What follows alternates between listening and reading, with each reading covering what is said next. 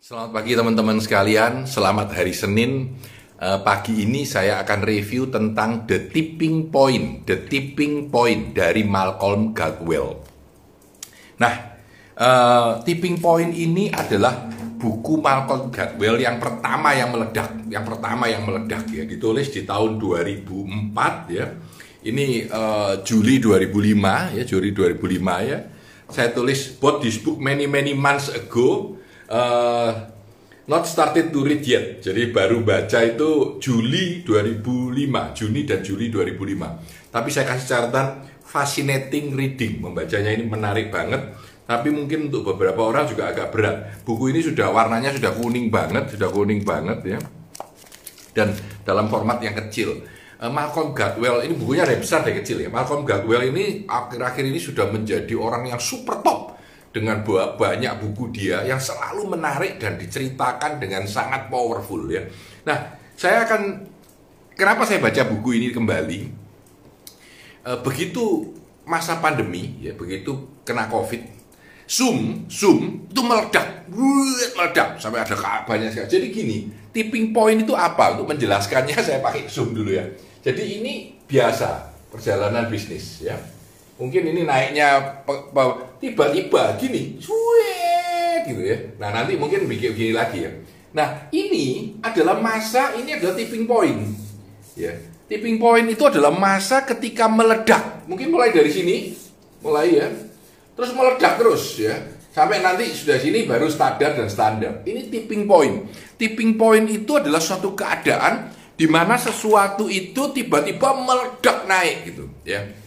Nah, Uh, saya terpikir Zoom ketika akhir-akhir ini saya melihat Zoom jadi hebat. Wah ini tipping point ini mencapai satu titik di mana sesuatu itu menjadi meledak dengan hebat banget ya.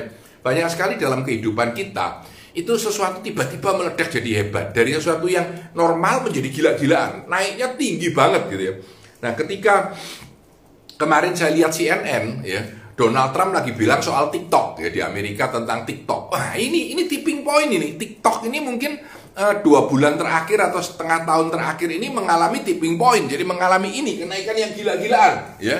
TikTok itu menaiki mengal. Nah ini contoh bagaimana ketika ditawarkan siapa yang mau beli Microsoft, soalnya saya beli, Microsoft duitnya banyak ya. Nah, di dalam ceritanya tipping pointnya Malcolm Gladwell, dia cerita tentang sesuatu yang menarik sekali di zaman 100 tahun lalu. Jadi 100 tahun lalu yang namanya radio itu besar segini, besar, mahal lagi, radio mahal. Dan cuma untuk dengerin berita. Lalu siapa yang mau beli radio buat dengerin berita doang pada saat itu ya? Uh, cuma mau mendengarin berita. Zaman itu belum musik, belum segala macam, belum masuk ke dalam radio. Nah, satu saat ada tinju. Tinju waktu itu olahraga tinju adalah olahraga yang sangat hebat di Amerika. Pada saat tinju itu mau main, uh penontonnya luar biasa. Nah, RCA itu uh, siaran itu dia menemukan bahwa uh, ada satu orangnya bilang gimana kalau itu saya siarkan di radio? Semua orang nggak percaya tapi akhirnya dipaksa dipaksa akhirnya dibikinlah siaran langsung di radio. Ketika terjadi siaran langsung di radio maka meledaklah kebutuhan orang akan radio. Sekarang mereka bisa mendengarkan radio untuk mus untuk sport ya. Kemudian untuk musik untuk segala macam. Tapi radio itu awalnya hanya sebuah berita. Ini 100 tahun lalu 100 tahun lalu ya Nah, saya ketika pandemi ini banyak mikir kembali tentang tipping point ini karena itu bukunya saya cari balik ya sudah lama di antara tumpukan yang di bawah. Nah, dia bilang ada tiga, ada tiga hukum dari uh, apa namanya hukum dari hal ini. Yang pertama disebut law of the view, law of the view, view. Jadi ini hukum pertamanya, hukum pertama dari uh, apa namanya uh, tipping point. Hukum pertamanya adalah law of the view. Nah, law of the view ini artinya ada beberapa tipe orang yang membuat sesuatu itu menjadi meledak ya. Ada tiga tipe orang. Disebut konektor, konektor, disebut maven, maven, dan disebut salesman. Lucu sekali. Saya suka ini konsep ini ya. Konektor, maven, salesman. Konektor itu adalah orang yang punya teman banyak. Jadi ini hubnya banyak. Ya. Jadi orang ini punya teman banyak. Jadi ini juga hubungan sama ini, ini juga sama. Tapi dia ini temannya banyak. Jadi ini sama ini dia juga kenal. Jadi orang ini disebut konektor. Konektor itu adalah orang yang temannya banyak.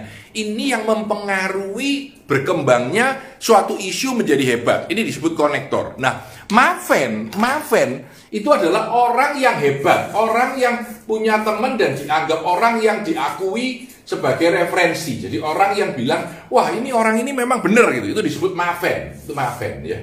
Nah, salesman, salesman itu adalah orang yang mudah sekali mempengaruhi orang lain. Jadi kalau bicara sama orang, dia akan mempengaruhi orang lain. Nah, konektor, maven, dan salesman ini tiga tipe orang yang sangat membantu di dalam mengembangkan sebuah ide, sebuah produk, sebuah kebiasaan menjadi hebat. Ya, jadi ini ini disebut dengan uh, law of the few. Jadi kalau ada law of the few, maka terjadilah uh, lebih mudah terjadinya sebuah tipping point. Tipping point itu sebetulnya gini lah. Ini kalau kalau ini pensil ya, diam aja pada titik tertentu dia jatuh, dia pada titik tertentu dia jatuh. Nah itu tipping point, titik di mana sesuatu itu boleh dibilang menjadi meledak, ya, menjadi meledak ya. Nah ini ini ini yang pertama. Yang kedua, ketiga aja. Kedua, ya itu disebut dengan stickiness factor, stickiness factor, stickiness factor. Kalau nomor satunya law of the view dengan konektor Maven dan salesman, yang kedua disebut stickiness factor. Nah, stickiness factor itu adalah seberapa nempel ide itu dengan Anda, seberapa ceket itu dengan sesuatu. Jadi contoh kalau menurut saya nih, menurut saya, Instagram itu stickinessnya tinggi. Jadi begitu ada mainan Instagram mulai into Instagram ceket terus ke dalam. Mas selalu pengen tiap hari ikut. Contoh lagi sekarang TikTok saya belum belum buka TikTok, jadi saya masih belum tahu TikTok itu apa ya, agak tua ketinggalan zaman ya, tidak milenial lagi. Tapi uh, TikTok ini contohnya juga sticky ya. Di dalam bukunya ini, di dalam bukunya ini dia memberikan contoh tentang Sesame Street. Sesame Street itu uh, apa namanya uh, acara TV yang membuat anak-anak tertarik mau belajar ya Uh, tetapi menurut saya stickiness ini adalah engagement level di mana hubungan antara produk ataupun layanan ini dengan diri kita.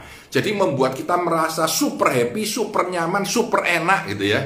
Uh, saya mikir contohnya adalah tokonya Apple Store. Anda kalau datang ke Apple Store, terutama di Amerika yang super besar di New York itu ya, saya sudah dua kali ke sana di New York major uh, Apple Store, Apple Store terbesar di dunia ya, ada ada di New York ya.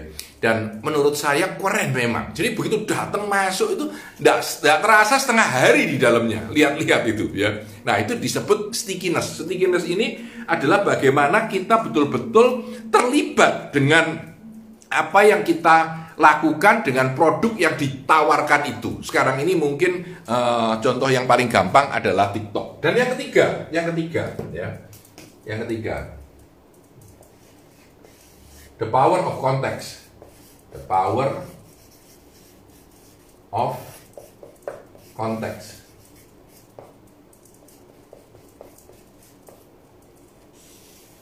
Ya.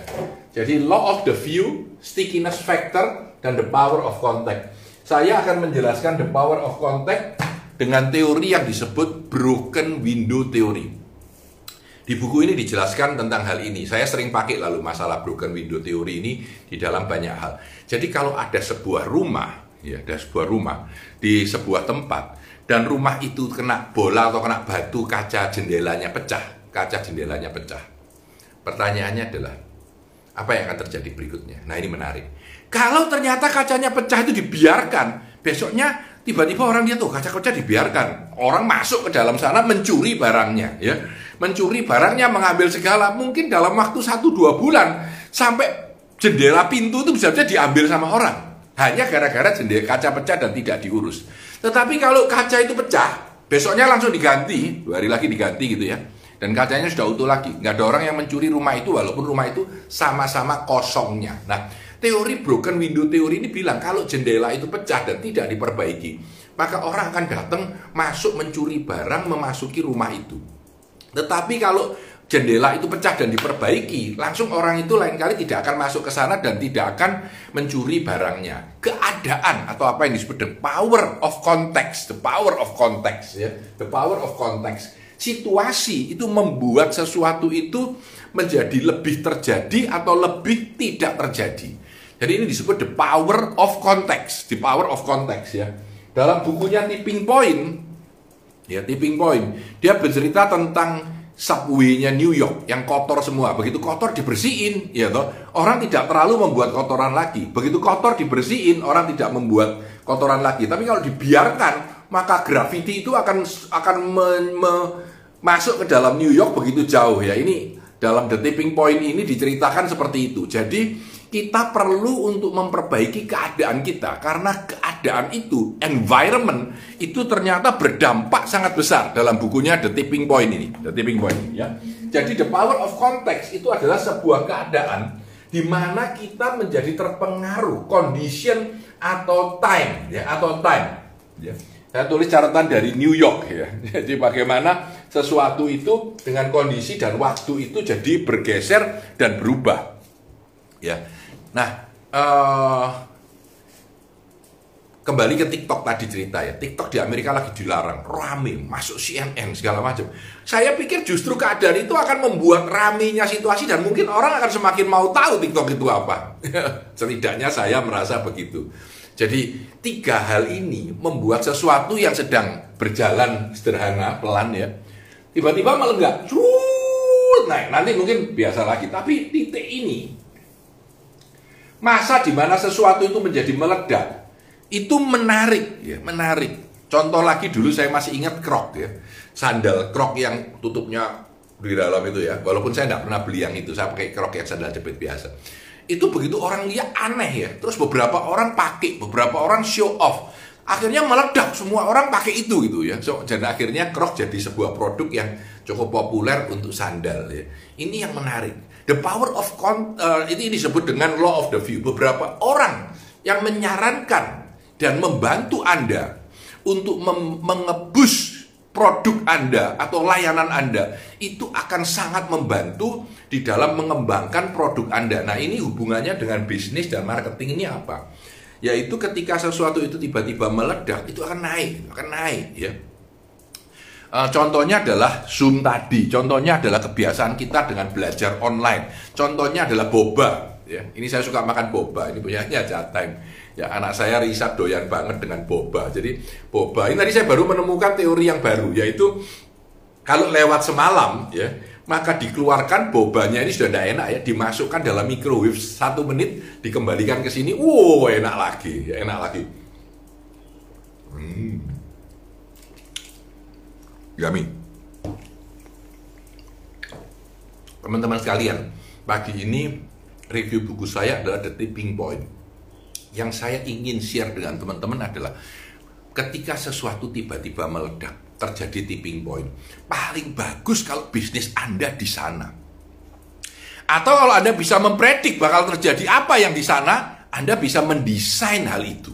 Ya coffee shop. Itu menurut saya menjadi hebat rame tipping pointnya Starbucks. Ya.